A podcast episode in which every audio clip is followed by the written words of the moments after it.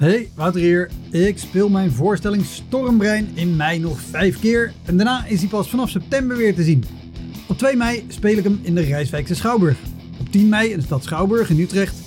17 mei in het Toon Hermans Theater in Sittard. 25 mei in de Wiese in Schalkwijk. En 29 mei in het Stadstheater in Zoetermeer. Eind mei maak ik mijn nieuwe speellijst bekend, inclusief een te gekke show in de zomer. Meld je via elektropodcast.nl of woutermonde.nl aan voor mijn nieuwsbrief. Dan weet je als eerste waar en wanneer ik te zien ben. Sowieso is dat handig, want dan krijg je elke maand één mail met erin een overzicht van alle podcastgasten, de columns die ik die maand heb gedaan en alle shows die er in de maand erop gaan komen. Welkom, mijn naam is Wouter Monde. Dit is de Elektra Podcast. Een podcast waarin ik met collega's herinneringen ophaal aan shows die ze liever waren vergeten. Genoemd naar het roemruchte jongerencentrum Elektra in Sliedrecht, dat ooit bekend stond als de comedy hell.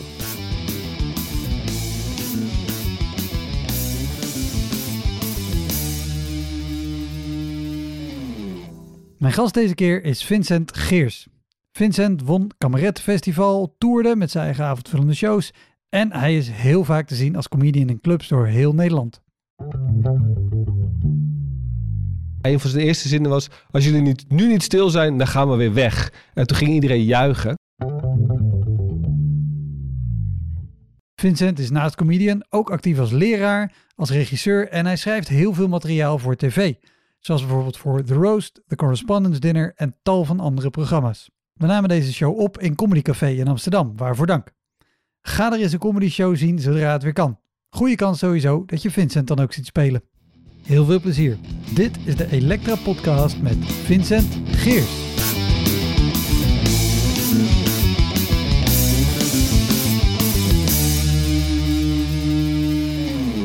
Laten we gelijk met één beginnen. We hadden het op de app er ook al over eentje die we samen hebben gedaan. Eentje die we samen hebben gedaan. Ja, wij hebben ooit, uh, volgens mij was het de Belastingdienst, toch? Voor accountants van de. Uh... Het waren accountants van Mazars. Of Mazar, oh. ik weet niet Oh. precies hoe het heet. En ik, ik weet het nog heel goed die avond, want ik had, het was het laatste weekend voordat ik zou stoppen met werken. Ja, dat weet ik ook nog En ik goed. had die avond had ik eh, eerst een oudejaarsconferentie voor vakantieveilingen waar ik toen werkte. Ja, En dat had ik super goed voorbereid. Ook onder werktijd hartstikke handig. maar dat ging ook heel goed, toch? En dat was een superleuke show. Ja. En het was echt te gek, want alles was maatwerk. En ik had alles echt bij 16 mensen kunnen controleren of iedereen dat wist. Dus alles was herkenning.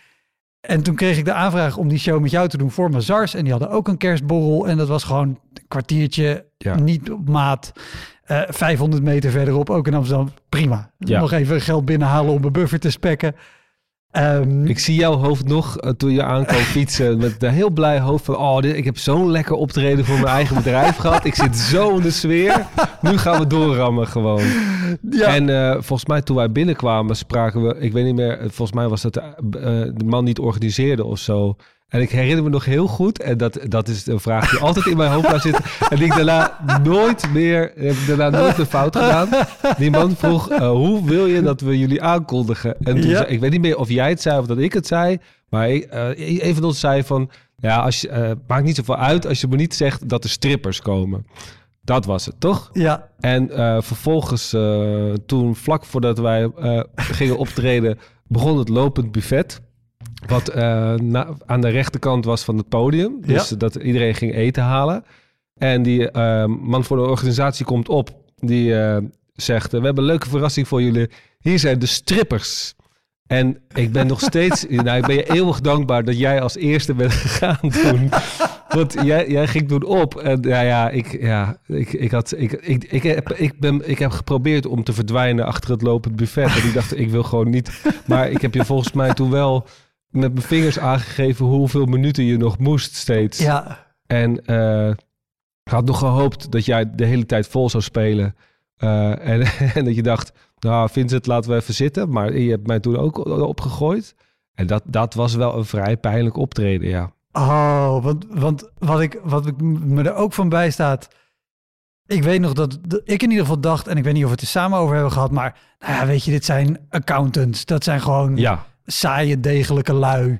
ja. Dat zal wel meevallen. Maar dat is vaak zo dat als je het gevoel hebt van dit zijn degelijke lui, dan wordt het vaak een heel lastig optreden. Ik heb ook wel eens een optreden gehad voor sociaal-cultureel werkers. Dat je dacht, nou ja, het woord sociaal zegt eigenlijk al... nou, deze mensen zijn begaan, hè? Die, Ja. die, die, die gaan... Nou, En cultureel vermoed ook nog. totaal... Ja, dat was totaal niet te doen gewoon. Maar, maar dat optreden inderdaad voor die accountants... daar, daar ben ik wel toen bij weggefietst en gedacht... dit, dit moet ik toch echt anders gaan doen. ik, ik weet wat er gebeurde. Volgens mij was dat bij mij. Dat ik iets zei over het bedrijf of iets vroeg.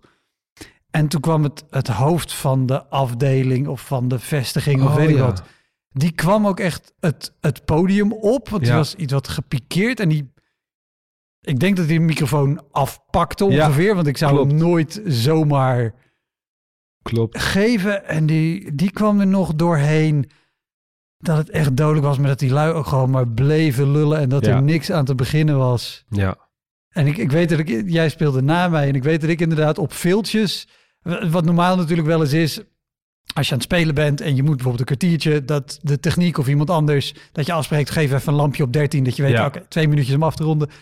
En ik weet dat ik bij jou ergens ook achter dat buffet stond en dat ik steeds een bierveeltje heb opgehouden met Dat vier, het, ja. drie, ja. twee. Maar ik ben je nog steeds zo dankbaar dat je daar als eerste bent gegaan. Misschien als ik was, als eerste was gegaan, ben, was ik daarna wel gestopt of zo.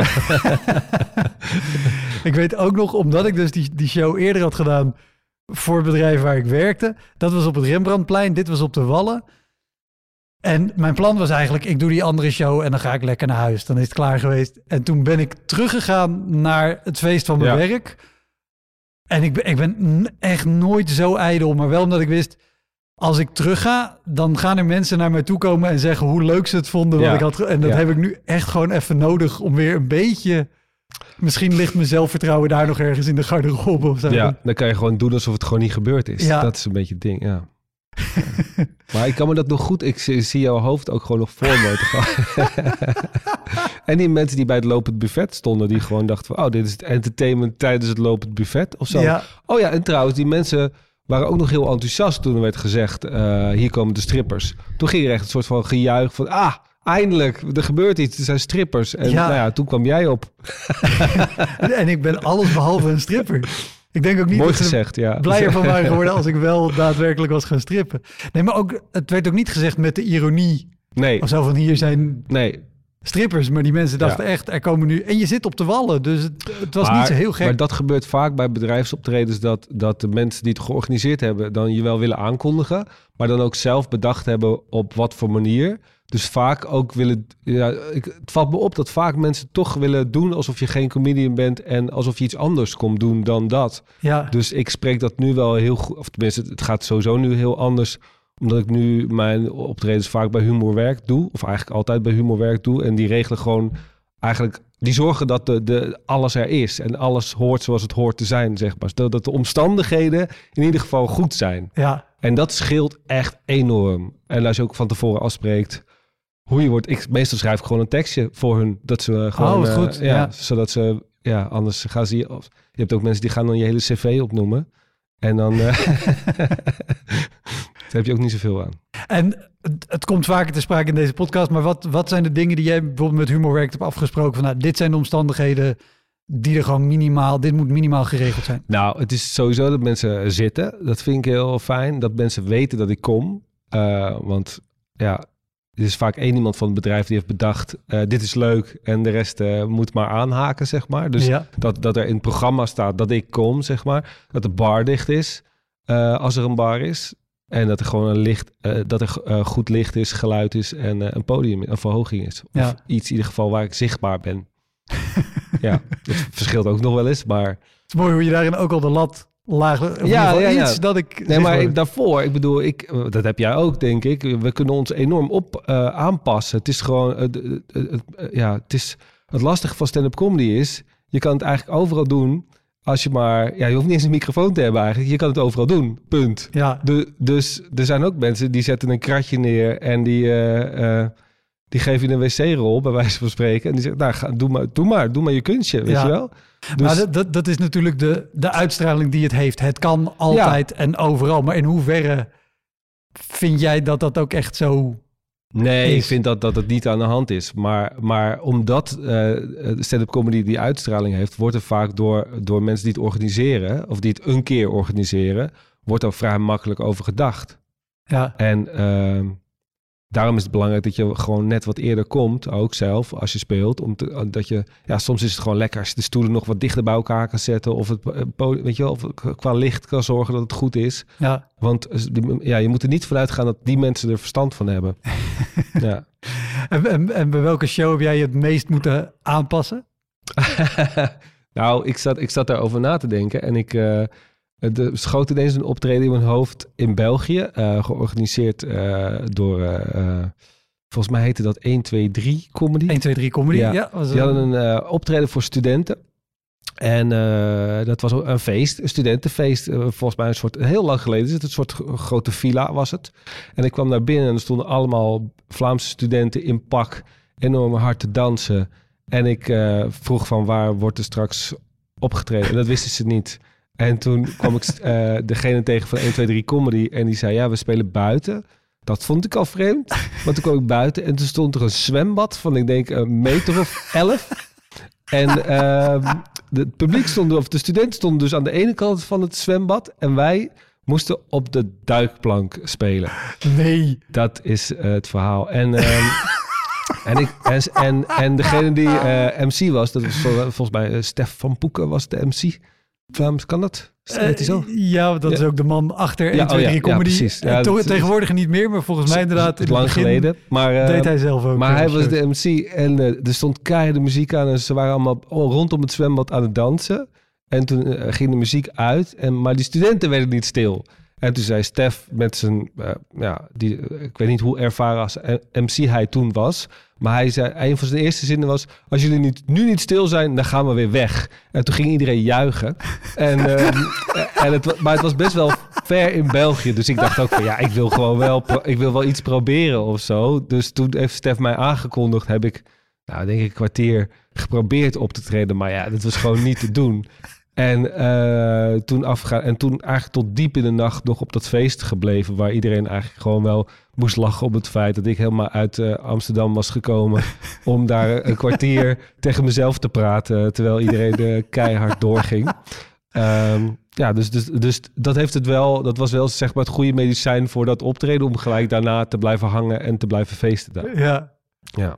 Oh, wat goed. Ja. Ik denk dat heel veel mensen die, die niet spelen en die naar deze podcast luisteren, normaal al voor geen geld op een podium zou, zouden gaan staan. Zoals weet je, dit podium waar we naast zitten in Comedy Café. Wat, wat maakt het anders dan de afstand en het feit dat je ver gereden hebt, maar dat je dan bij zo'n show toch denkt, ik ga het toch proberen? Nou ja, iets in mij zegt altijd, maar dat is vooral als ik mensen voor mij zie spelen, dan, dan denk ik te, te weten wat, wat de juiste methode is om die zaal op die plek wel te kunnen bespelen. Dus dan, ja, erg. En dat is zeker uh, uh, naarmate ik langer ben, aan het spelen ben, vind ik het een uitdaging ook om op lastige plekken te spelen, omdat ik daar ook. Uh, ik heb daar ook het idee dat ik daar veel van leer. Maar ook omdat ik het idee heb dat ik daar echt in het moment moet zijn. Dus ja. je kan op sommige veilige plekken kan je soms in een soort act schieten. Dat je voelt van, hé, hey, ik sta nu gewoon te doen wat ik gisteren ook deed. En, uh, en hetzelfde tempo en alles hetzelfde. En dat vind ik vaak heel lastig. Of tenminste, dan baal ik altijd heel erg van mezelf na afloop. En op lastige plekken vind ik het dus altijd een uitdaging om toch te kijken, gaat het me lukken? Gaat, ga ik die mensen, weet je wel, wij hebben ook wel, wij hebben samen bij, bij uh, in Scheveningen gespeeld, ja, bij, waar, waar, mensen ook, ja. waar mensen ook uh, konden eten en zo. En dan heb je soms ook wel eens gewoon 40 vrachtwagenchauffeurs, waarvan één vrachtwagenchauffeur heeft bedacht, we gaan dit met z'n allen doen. En de rest zit er eigenlijk om te eten en uh, wil gewoon eigenlijk met de rest kletsen. En dan kom jij met je microfoon uh, je verhalen en je grapjes vertellen. Nou ja, dat, dat vind ik, dat vond ik vroeger echt verschrikkelijk. En nu vind ik dat een uitdaging.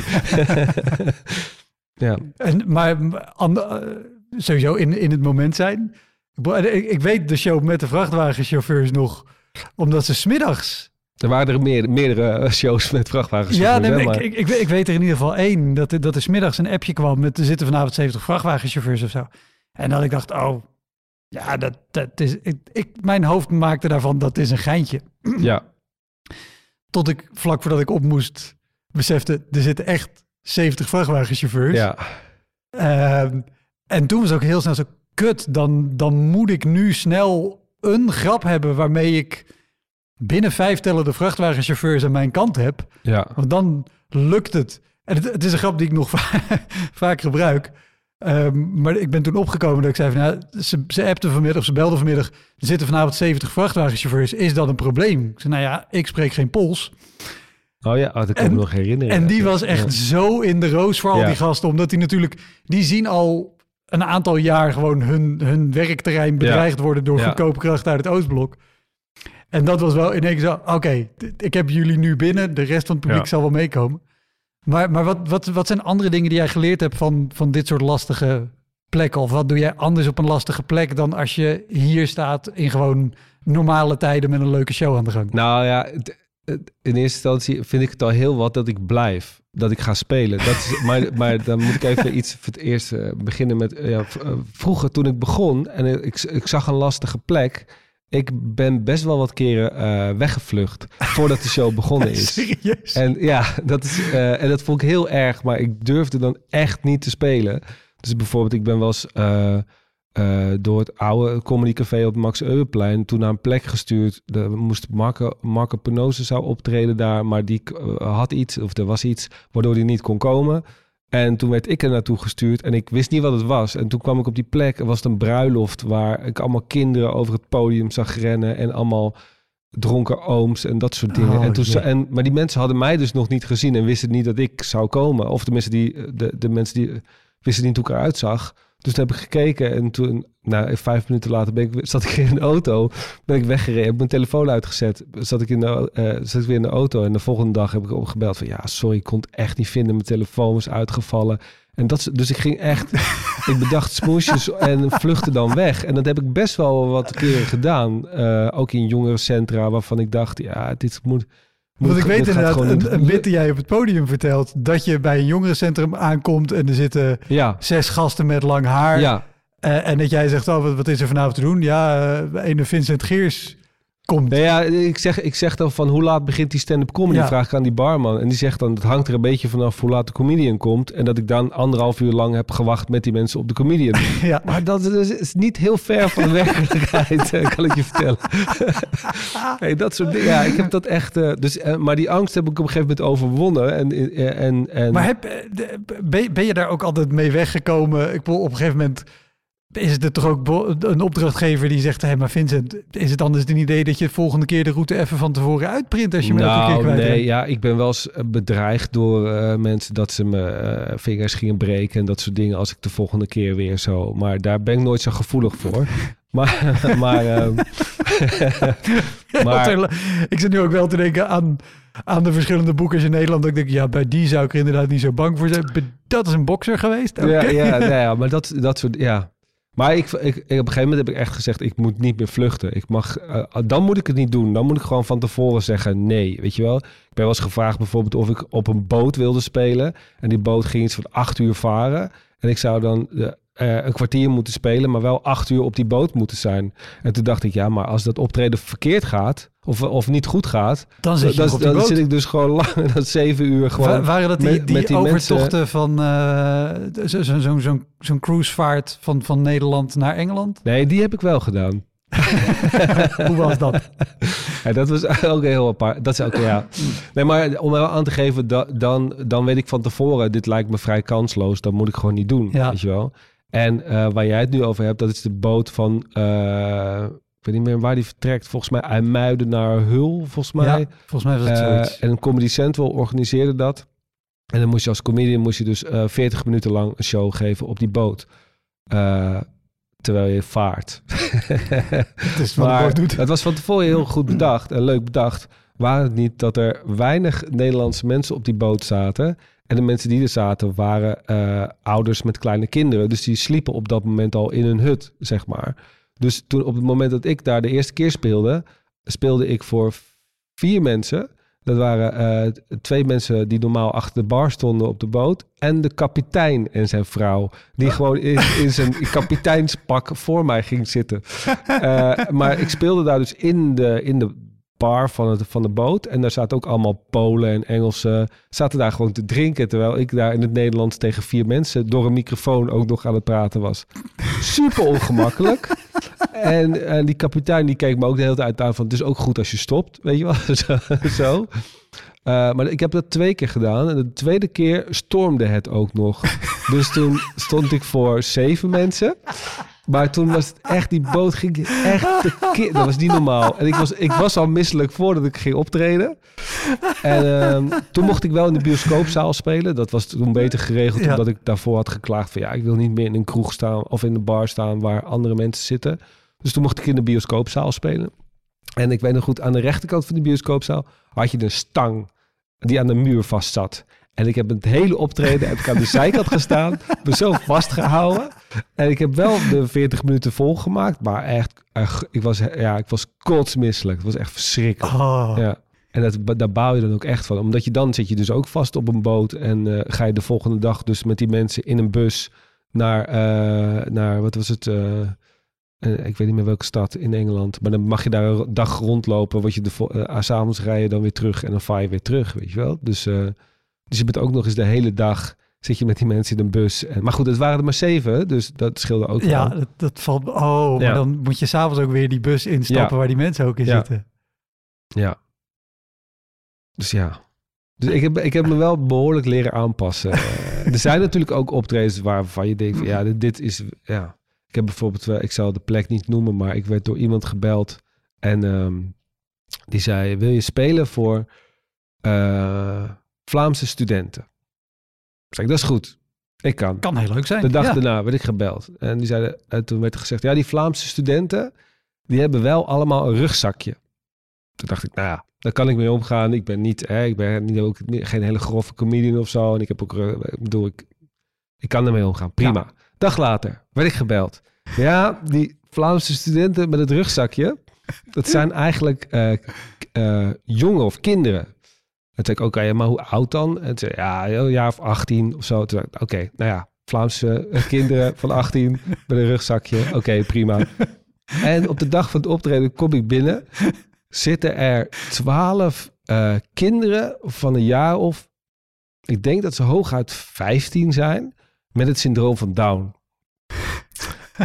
nou ja, daar, bedoel, daar kunnen die kinderen helemaal niks aan doen. Weet je wel, daar is iemand die heeft bedacht dat dat leuk is. Maar dat is voor, ja, ik, ja, ik zie nog je. de gezichten van de comedie. Ik was als eerste binnen. Ik zie nog iedereen binnen, alle andere comedians binnenkomen en kijken en denken, oh fuck, dit heb ik nog nooit meegemaakt gewoon. Um, dus ja, eigenlijk sinds die dag heb ik mijn doelgroep uh, gevonden, kan ik zeggen. nee, nee, nee dat, is, dat is natuurlijk heel, dat is een heel lastig optreden. Ook nou, hoe, je, hoe, hoe, hoe, ging dat? Dat ging, ja, dat, dat ging niet. Nee. Dat ging niet. En um, uh, ik weet nog wel, Tom Slichting speelde ook. Ja. En die had, die had uh, dat gehoord. Uh, die was heel snel naar huis gereden om zijn saxofoon te halen en in mijn herinnering poppen te halen. En ja. die heeft toen een soort muziek- en poppenshow gedaan. En die heeft toen op een gegeven moment een trein... Deed, hij deed een trein na en dat deden alle kinderen deden dat na. En toen zei hij, oké, okay, gaan we met z'n allen een trein na doen. Zo. Wat goed. Ja, dat is niet... Ja. Maar goed, dat zijn wel optredens waarvan je van tevoren denkt... hoe ga ik dit in godsnaam doen? Ja, want ook hadden, hadden, die kinderen... Nou ja, is niet dat ze helemaal niks begrijpen natuurlijk... maar hadden die überhaupt door wat er geprobeerd werd te doen? Die, ja, maar die ook. Kijk, het is soms wel moeilijk om voor Belgen te spelen, omdat je andere, weet je, omdat ze bepaalde woorden of bepaalde dingen niet kennen of zo. Maar als je, ja, als je ook nog en, en dan ook nog, het is ook moeilijk om voor kinderen te spelen. Nou ja, dat, dat, dat alleen al. Mensen, mensen van, nou, dat is gewoon, ja, het was eigenlijk zeg maar een driedubbele uitdaging. Ja, ik heb volgens mij niet heel lang opgetreden. Ook, ik dacht ook van, dit moet ik gewoon uh, een beetje afkappen. Ja. Ik vind bij dit soort gevallen ook altijd zo bijzonder dat je dus in eerste instantie wordt je geboekt voor iets. Ja. En dat er dan elke keer nog zo'n flart informatie bij komt dat je denkt, ja. waarom Nou ja, dat, Wist is- je dat dit is al het. van hè. Als je tevoren, van of- tevoren iets weet, dan kan je er een beetje op voorbereiden. En dan kan je de- een keuze maken. Wil je dat of niet? Ja. Weet je wel?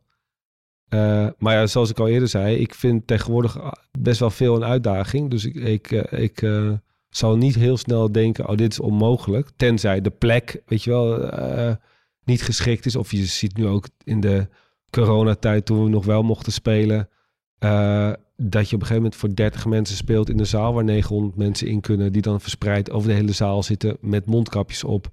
Eh, ja, dat, dat Ja. zijn ook dingen waarvan je denkt, is dit mogelijk? Weet je wel? Of is, is dit te doen?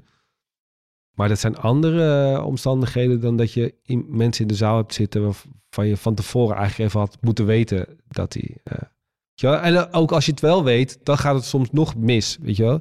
Ik heb wel eens de eer gehad om voor de ehm, stichting te spelen die mensen begeleidt met restless legs, met rusteloze benen. Ehm, Natuurlijk is daar ook een stichting voor. daar is een stichting voor. En dat was op, moest op maat. Dus dat had ik helemaal gedaan. Ook 40 minuten op maat. Eh, 40 minuten, ja. jezus. En dat was middags. heel lang op maat. dat was middags en ik keek zo door de gordijnen naar mijn publiek. En dat waren allemaal hele oude mensen. En toen hoorde ik ook nog iemand op de eerste rij zeggen... normaal slaap ik altijd op dit tijdstip. En toen zakte bij mij de motivatie totaal... dat ik dacht, oké, dit wordt heel, dit wordt heel eh, lastig. Maar die mensen konden... Ja, er waren mensen met rusteloze benen. Dus er zijn ook heel veel mensen die stonden op... om even een stukje te gaan lopen tijdens mijn show. Ja. Dus eh, Wauw. Maar ook 40 minuten. ja, Dat is... Ik vind 40 minuten voor een bedrijfsoptreden of of voor, voor een maatwerkding ook best Zou je wel dat lang. nu nog aannemen? Ja, dat doe ik soms nog wel eens. Ja, maar ik ben nu ik ben wel vrij snel in het schrijven van maatwerkmateriaal. Eh, als ik een goed voorgesprek heb met mensen, dan kan ik er altijd wel mee uit de voeten of zo. Alleen, dus het kan wel. Alleen ik vind het ook vaak voor de concentratie van de mensen zelf eh, lang. Ja. Als je eh, denkt, van, oh, we krijgen even een leuk intermezzo. En dat intermezzo duurt 40 minuten. Dat vind ik best lang. Ja, dat is heel lang. En, en al- als je het leuk vindt, dan, dan Ja. gaat het snel voorbij. Maar als je denkt, nou ja, dit is niet voor mij. Ja, nee, precies. Wat altijd een kans is, want er zijn ook heel veel mensen die, die nooit naar cabaret gaan of naar comedy gaan. Ja, Dan is 40 minuten ja. een hele lange zit. ja, of een CKV-voorstelling eh van 40 minuten, weet je wel? Dat je gewoon... eh, Cultureel kunstzinnige vorming ja, voor, voor dat jongeren. Je, dat je gewoon eh 60 VMBO'ers krijgt van, van 13 of zo eh, in de zaal. Klinkt alsof je dat gedaan hebt. Dat heb ik wel vaak gedaan, ja. Alleen ik merk wel dat je als je op een gegeven moment word je te oud om eh, nog een soort... Kijk, ik geef zelf ook les, theaterles, dus ik weet wel wat middelbare scholieren eh, denken en een, een beetje wat ze voelen. dus ik kan dat een beetje inschatten. Maar op een gegeven moment is je materiaal ook gaat te veel over een leven wat zij niet kennen of zo. Ja. Wat, wat, wat is de grootste mismatch, als we hem niet al hebben gehad, die jij ooit hebt gehad tussen, tussen jou en het publiek? Ehm, ja, ik denk dat we het, al, dat we het daar al over gehad hebben. Die, die, die kinderen in België. Ja, Ehm, maar ik vind het ook wel lastig als er... ehm, kijk, ik ben over het algemeen altijd... Ik wantra- wantrouw het publiek altijd een beetje als ik binnenkom ergens. en als er dan ook eh, en, en eh, waarom is dat? groepen zitten... Nou ja, dus dat heeft gewoon met mijn eigen angst te maken. Dat ik het altijd spannend vind om... eh, Maar wa- wa- waar, waar zit het wantrouwen dan in? dat ik bang ben dat ze er... Dat ze er dat ze het niet leuk vinden en dat ze doorheen gaan eh, lopen. Ja, op die manier. Oké, ja. En inmiddels vind ik het heel leuk als er dingen in de zaal gebeuren. Ik MC ook veel, dus dan, of ik ben veel dus presentator van de show. Dus ik vind het leuk om te improviseren met het publiek. Alleen eh, als ik zie dat er grote groepen eh, zitten, va- vaak vrijgezellenfeesten, of het kan ook een bedrijfsfeest zijn, maar in een, in een normale show. Dus bijvoorbeeld hier in het Comedy Café, als er een grote groep zit. Eh, en die zijn dronken. En dan gaan ook nog vaak jongens met z'n allen naar de wc om even te snuiven. Dan is er wel, dan, dan moet ik heel erg opletten dat het niet al in mijn hoofd gaat zitten van, oh, dit wordt heel kut. Ja, Want dan, dan eh, ja, dat, dat, dat, dat doet iets met mij waardoor ik niet echt meer zelf durf te spelen en waardoor ik geen lol meer durf te hebben of zo. Snap je wat ik bedoel? Dan, dan ga ik heel erg op safe spelen en probeer Ja. ik heel erg snel mijn materiaal er doorheen rammen in een hoog tempo. Zonder dat ik echt in het moment en... Want En maar kan je, kan je dat makkelijk loslaten als je bij jezelf, weet je, stel je komt hier binnen en je ziet al zo'n groep en je voelt het opkomen, kan je dat dan nog uitschakelen? Inmiddels wel, maar heel lang niet. Ik ben gewoon heel erg sfeergevoelig of zo. Dus op het moment dat de sfeer, na, of dat je al voelt van, oh, er is een groepje in de zaal en de hele, hele zaal voelt dat groepje, eh, weet je wel, is voorzichtig omdat dat groepje een beetje baldadig is of zo. En het hoeven niet alleen, alleen mannen te zijn, hè. het kunnen ook vrouwen zijn. Ik heb wel eens, eh, eh, wat was het? Twaalf vrouwen gehad die allemaal met een diadeem, met een dildo erop eh, op de eerste rij zaten. nou ja, en dan moet jij je werk doen. ja, dat vind ik ook vrij intimiderend. Ik, ik, vind- ik vind het ook een beetje angstaanjagend dat ik gelijk denk, ja, dat is ook klassiek communicafé zaterdagavond. Ja, nou ja, vroeger, ja. Vroeger, ja, zeker, Ja, ja. vroeger. En het mooie was dat toen ik bij het Comedy Café eh, speelde vroeger, toen mocht je nog roken in het café. Dus dan was er ook gewoon, dan stond je op het podium en dan zag je eigenlijk het publiek niet, maar dan was er gewoon een walm van, van een blauwe walm van, van, van rook. En dan stonk je enorm, dan stonk je kleren gewoon enorm naar, Ja. naar de sigaretten. En, eh, en, en dan waren er ook soms, want dan deden we ook nog een late night. En dan waren er ook gewoon gasten die lagen dronken in hun eigen kot te slapen, op het over het tafeltje heen te slapen, weet je wat, terwijl jij stond te spelen. Nou, en, eh, want, want, want waar we het nu over hebben is, is het oude comedycafé. We zitten nu hier op, op Eidok. ja, Vroeger zaten ze op Max Euweplein, Ja. midden in het centrum, naast het Leidseplein. ja. Wat, wat is daar de, de, de, de heftigste of de meest bizarre show die je, die je is bijgebleven? Ehm, Of een moment, het hoeft niet per se een hele show te zijn natuurlijk. Maar... nou ja, de, de, de, ik stond niet zelf op het podium op dat moment, maar er was, er was een barman en die had, eh, denk ik, flink eh, gesnoept van bepaalde pillen. en die was helemaal door het lint. Maar die stond op het... eh, er was vroeger een balkon bij het, waar het publiek kon zitten, Ja. op het Comedy Café. En daar zat hij. En hij was de hele tijd door de show aan het... eh, eh, gewoon aan het lullen. En, eh, gewoon ook totaal niet, geen zinnige dingen was hij aan het zeggen. En toen stond Wilco Terwijn op het podium. En die had er echt, echt heel erg veel last van. En, en na de show, volgens mij was het publiek zelfs nog binnen. Wilco die loopt, die loopt de plek uit waar we speelden, dus naar, naar het kroeggedeelte. En daar stond die barjongen. en, en toen brak er gewoon een gevecht uit met, met, met gooien, met barkrukken en tafels gingen omver. En weet ik, nog- Wilco zijn bril hing. eh, eh, dat, dat, dat, is- weet je wel, dat je gewoon...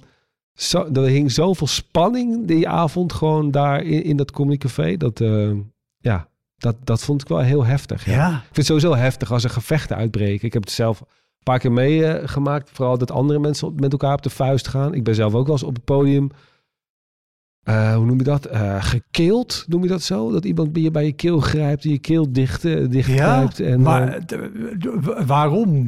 Want je zei net al, jij bent verder geen nee, hele grove Nee, dat comedian was, of zo. en ik kan me echt niet voorstellen dat jij iets doet op een podium waardoor iemand denkt, ja, jij gaat eraan, jongen. Ja, het was op het, in, het, in Nighttown in Rotterdam. Dat was vroeger een club in Rotterdam. Ja. Het, volgens mij heet dat nu, weet niet, maar het is nu wel open, maar het heet geen Nighttown meer.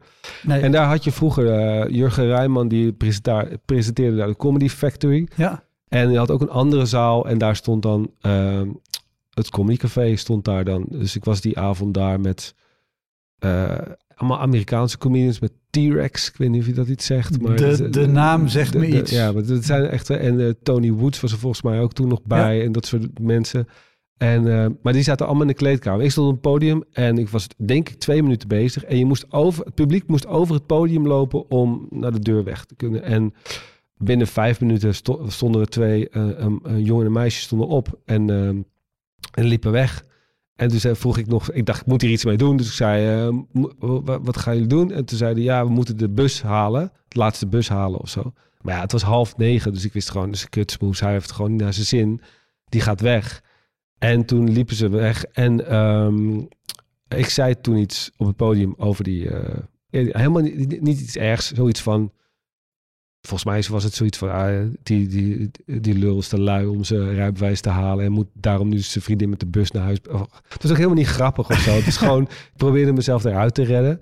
Maar je kon, wat ik dus niet wist, je kon de show horen in de, in de hal van de Nighttown. Dus er hingen daar speakers met waar je de show gewoon op kon. Dus hij kwam terug. En hij liep echt in één lijn op mij af. Greep me bij mijn keel. Hij kneep mijn keel eh, dicht. En eh, ik heb dit ook wel eens in de voorstelling verteld, volgens mij. Dat, dat, ik hield uit een soort automatisme, hield ik wel de microfoon bij mijn mond. Dus ik hoorde zelf over de box hoorde ik zo... dat ik echt, ik kreeg echt geen lucht. En ehm, de, toen, de, de, de, eigen, de eigenaar, toen de eigenaar van het Communicafé, van het oude Communicafé, die ging Ja. echt nooit mee naar shows. Nooit. Dat is een oud bokser, of oud, eh, oud volgens mij bokstrainer. Ging nooit mee naar shows, behalve die avond. Dus eh, die zat helemaal bovenin. Is toen naar, nou, duurde, voor mijn gevoel duurde het echt veel te lang, maar die k- is toen eh, naar beneden gelopen. Eh, heeft die jongen echt als, nou, als een soort servetje heeft hij die jongen beetgepakt en hem naar buiten gegooid.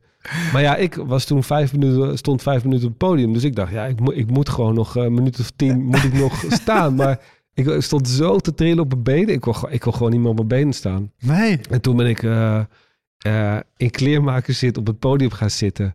en eh, ben toen ja, gaan vertellen over wa- waarom, ik zo, waarom ik zo bang werd. Of wat, wat er met me gebeurde of zo op dat moment. En ook het feit dat niemand in het publiek iets deed. Want daar heb ik, daar heb ik ze ook wel op aangesproken van... Ja, het is gewoon... Ik word gewoon hier vermoord op het podium. En jullie zitten gewoon allemaal te kijken van... Oké, nu wordt het echt leuk. Ja. Weet je, zo.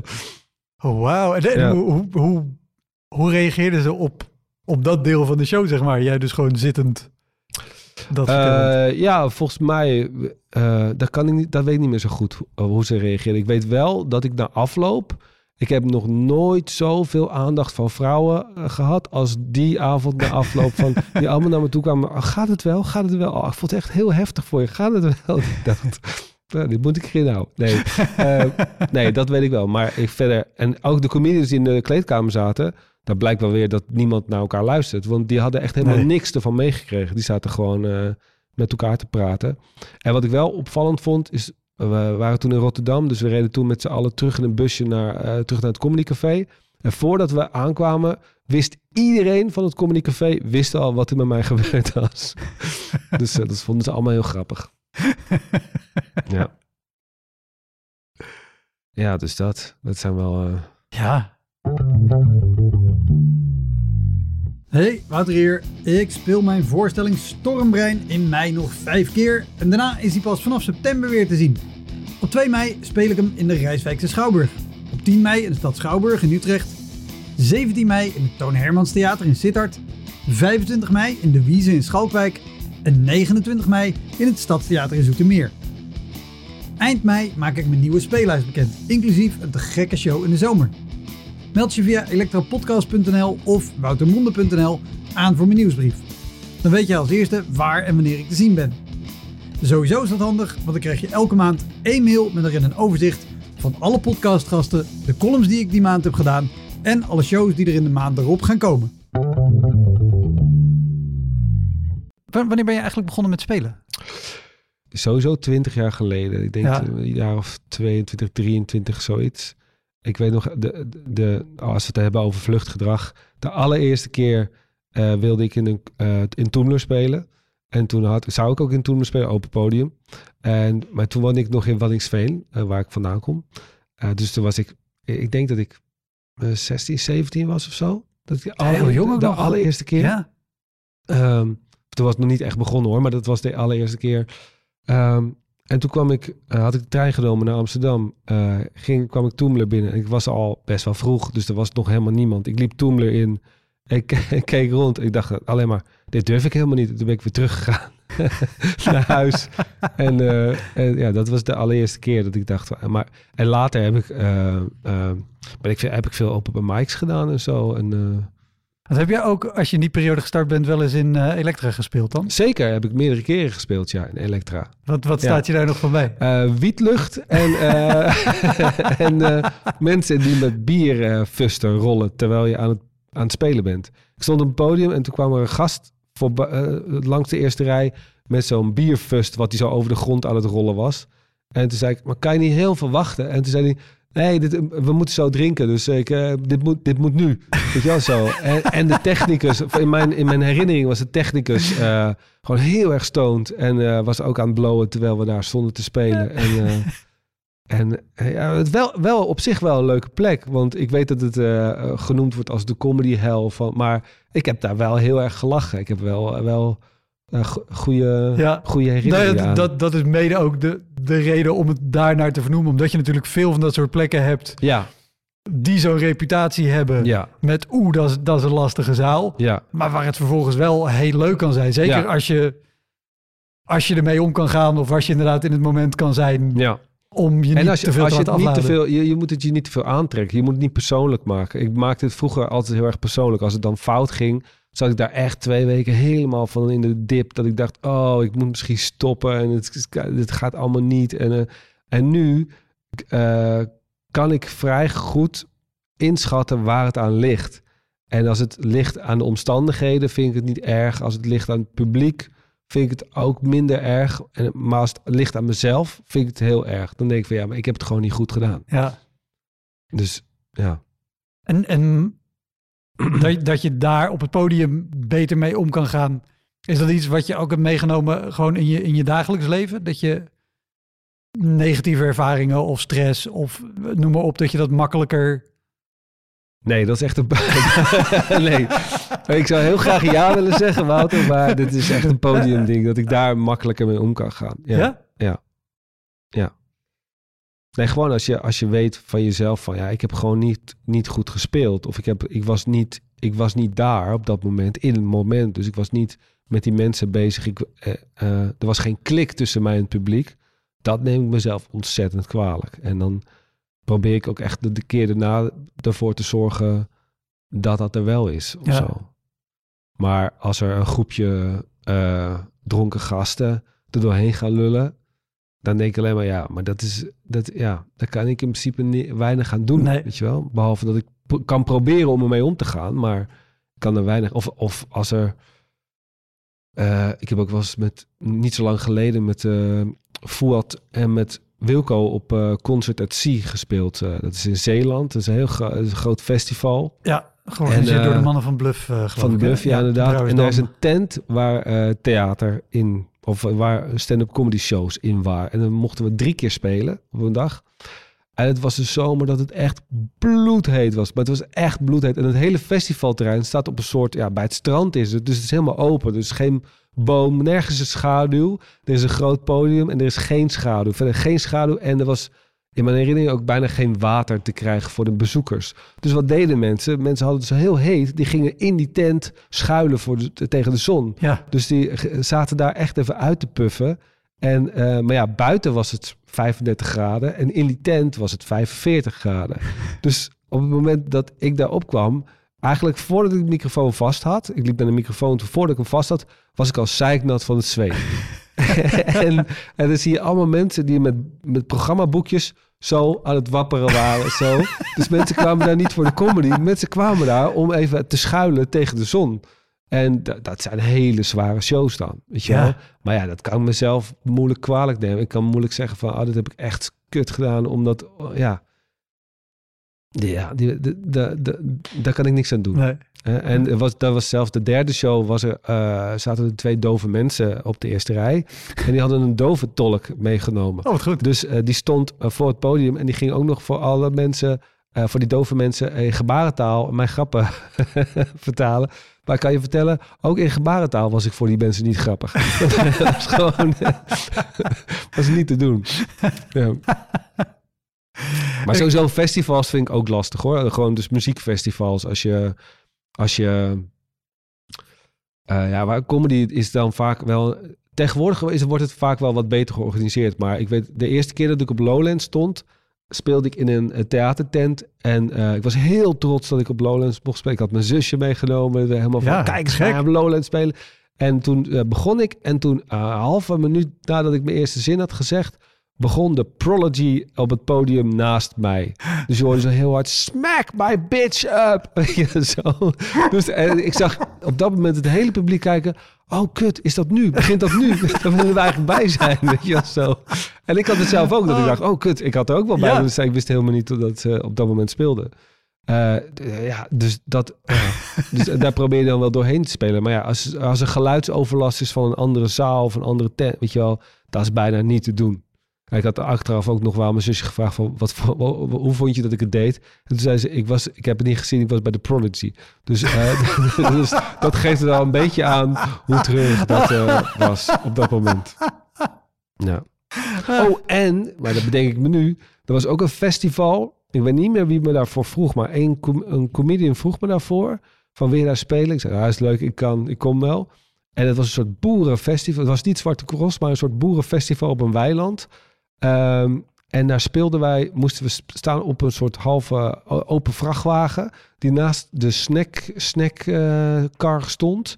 Dus er stond een rij, zeg maar, voor de, voor, de, voor de frikandellen en zo. En er zaten dan, denk ik, een man of twaalf op bankjes zo voor ons. Maar dit festival was al best wel lang bezig. Dus iedereen zat een beetje eh, dronken en gaar erbij. En er zat een gast op de eerste rij. Die zat verkleed, die was verkleed als zak patat. Dus hij had een patat kostuum aan. En die zat gewoon heel erg dronken zo eh, gewoon naar me te kijken. En dat was ook... Nou, daar heb ik ook... Ik mocht daar afsluiten. Dus ik, ik heb de eerste drie comedians voor mij eh, compleet de dood in zich gaan. En toen dacht ik ook van ja, ik, ik ga dit gewoon proberen.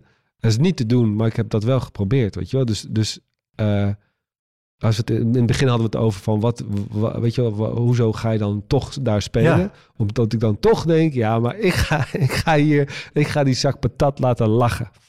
is niet gelukt. Ik wel mooi hoe, hoe eh, verklede mensen een, een, een rode draad vormen in Ja, deze aflevering. Ja, ja. maar met mensen en eten, en eten vind ik altijd lastig. Dus mensen die eten eh, tijdens, de, tijdens de show, dat is ook altijd heel lastig. Ik mocht ehm, in het, eh, bij het, bij het Centraal Station heb je zo de eerste klas restauratie en dan heb je zo'n aparte kamer. Oh, hier het eh, station in Amsterdam. Ja, station Ja, in Amsterdam. Heb je zo'n aparte kamer. En daar moest ik een bedrijfsoptreden doen voor, denk eh twintig mensen van een ICT-bedrijf met hun partner. En ik kwam bij dat restaurant aan en ik zei, ik moet zo optreden. Weten jullie of de eerste gang al is geweest? Want ik zou tussen de gangen doorspelen. Dus ik zou eerst een voorgerecht krijgen, daarna Ja. ik, daarna hoofdgerecht en daarna nog een comedian. En, ehm, maar ze wisten niet, die mensen van het restaurant wisten niet dat ik zou komen. Dus toen dacht ik al, dit wordt misschien heel lastig. en ze zaten aan het voorgerecht, dus ik dacht, oké, nou prima. Eh, dus het voorgerecht wordt afgeruimd. Ik zei tegen die man van het restaurant van, eh, hoe kan ik dan nu beginnen? Toen zei hij, ja, als jij dat wil, eh, ga beginnen, weet je wel. Eh, maar ik zei, maar ja, oké, maar dan is het wel fijn als jullie dan niet eh, tijdens binnenkomen. Toen zei ja, dan moet ik even, even, ik ga even met de keuken overleggen. en toen ging ik op en eigenlijk na, eh, na, na een minuut of zo kwamen er vier mensen van de bediening binnen met borden zo om, de, om het hoofdgerecht te brengen. Oh. En toen zei ik ook op het podium, zei ik, maar jullie zouden toch wachten? Toen ja, het is klaar. Het eten was klaar. Dus we, we, we- anders wordt het koud. En eh, die mensen van het bedrijf hadden al de hele dag een soort speurtocht door Amsterdam gedaan. Dus die hadden allemaal honger. Dus eh, die gingen lekker eten. En eh, voor mensen die eten in hun mond hebben, is het heel lastig spelen. Ja, hetzelfde met bitterballen. als, je, als de bitterballen worden uitgedeeld, dan kan je wel een soort lach verwachten. Of een soort haha, maar dat is dan vaak omdat de bitterbal te warm Ja, te is. Dat is, ja, dat, ja, ja. is- dat, dat is het dan, weet je wel? Hebt denk ik ook wel de, de bitterballen gig in Alfa aan de Rijn gedaan. Meerdere malen ja, heb ik die gedaan. Waar ze de bitterballen uittellen per, per bezoeker. En eh, waardoor de comedians... eh, wij kregen allemaal één... We mochten één bitterbal pakken. Anders hadden ze niet genoeg. Want die worden eens perfect uitgeteld. Ja, maar daar is het ook zo. Daar weet je gewoon... Volgens mij was het tijdens de tweede act of zo. Je weet gewoon, als je als tweede bent... dan komt er ergens in je act een vrouw binnen met een schaal bitterballen. Dat weet je gewoon. En die bitterballen heb je gezien, want je staat zelf in de, in de keuken te wachten totdat je op mag. Toch? Dat was daar Ja, zo. ja, ja, ja. ja. Ja. Oh. Ja. Maar dat noemen ze... dat- op een gegeven moment hebben ze dat inderdaad... zijn ze dat bitterballen comedy gaan noemen, ja. De bitterballen comedy plek. Ja. Ja, Ik weet ook inderdaad, mensen, heb je de bitterballen gig al gedaan? Ja. Eh, wie- Want je zei net, als, als ik weet dat het aan de omstandigheden ligt, dan, dan kan ik daarmee omgaan, dan weet ik dat. Als het aan mezelf ligt, dan baal ik ervan. Ja. Is, is, er, is er één die je voor de geest kan halen waar je van hebt gebaald omdat het, omdat het echt aan jou lag? Ja, ik heb wel eens eerste, eerste try-outs gehad van mijn programma of zo. Waar, waar ik dan eigenlijk stiekem al wist dat ik mezelf niet goed genoeg had voorbereid. En eh, dat er dan net te weinig mensen in de zaal zitten. En waardoor ik. En, en dat ik dan speel alsof het helemaal vol zit. En probeer om een soort energie vast te houden. Terwijl ik voel dat die energie er eigenlijk niet is. Bij mij niet en bij, bij de zaal niet. Dat ik er echt overheen speel. Dat vind ik wel heel naar, ja. Om dan achteraf. Want soms als je er middenin zit, kom je er ook niet meer uit. Soms heb je gewoon, kan je niet schakelen naar een ander ding of zo. Ja. Of tenminste, dat kon ik toen niet. Dan had ik ook een ding bedacht. had ik ook een ding bedacht. Ik wou een theatraal ding maken. Dus ik had een hele grote ballon gekocht. eh, eh, en die had, had ik zo'n eh, elektrische luchtbedpomp. en dan ging ik zo tijdens de voorstelling zorgde ik ervoor dat die ballon zo heel langzaam zo groter en groter werd. En ik had dan bedacht totdat die knapt. Maar dat ding knapte helemaal. Dat was gewoon een heel dik rubber of zo. Ja. Dus dat, ging, dat bleef maar groter worden. Dus op een gegeven moment heb ik maar gewoon een, een, een, een scherp ding gepakt om hem kapot te... Maar dat, was, dat hele effect was weg. En ik schaamde me echt kapot. Omdat ik dat helemaal... Ik had het helemaal bedacht van... Oh, het ziet er theatraal heel mooi uit. Maar het, was, het werd heel plat en heel, eh, heel lelijk. Het was heel lelijk was het, ja.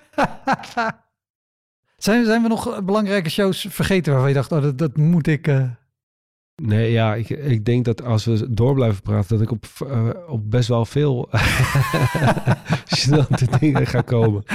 Dus ik heb ook wel zo op de school eh, gespeeld voor het personeel. Waarbij eh, af was gesproken dat het in een afgesloten ruimte zou zijn.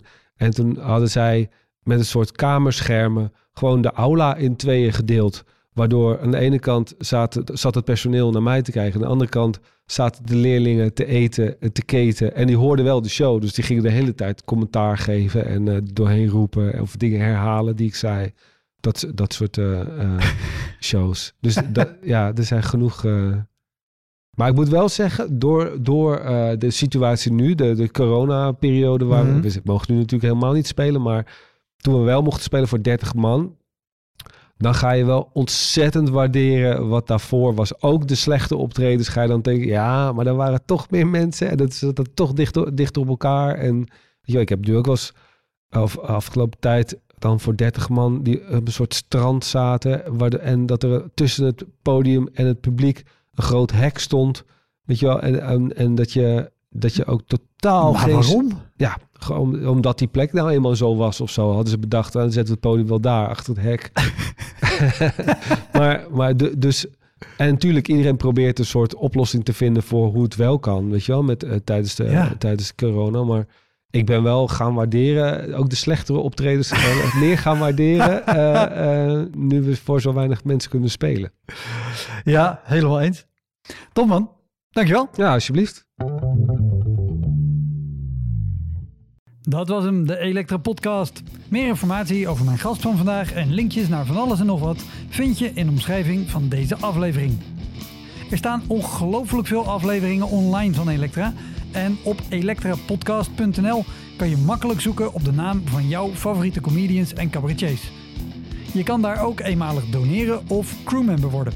Als crewmember betaal je maandelijks een klein bedrag, maar dan krijg je ook nog eens bonusmateriaal. Je luistert voortaan zonder onderbrekingen en je krijgt consumptiebonnen die je kan inleveren bij een show van mij. Ik vind het sowieso te gek als je een keer komt kijken bij mij. Dus ga naar woutermonde.nl, daar zie je precies waar en wanneer ik optreed. Of meld je aan voor de nieuwsbrief, dan hou ik je op die manier op de hoogte.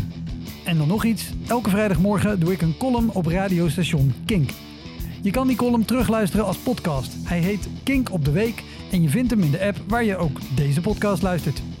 Oké, tot de volgende Elektra. Hoi!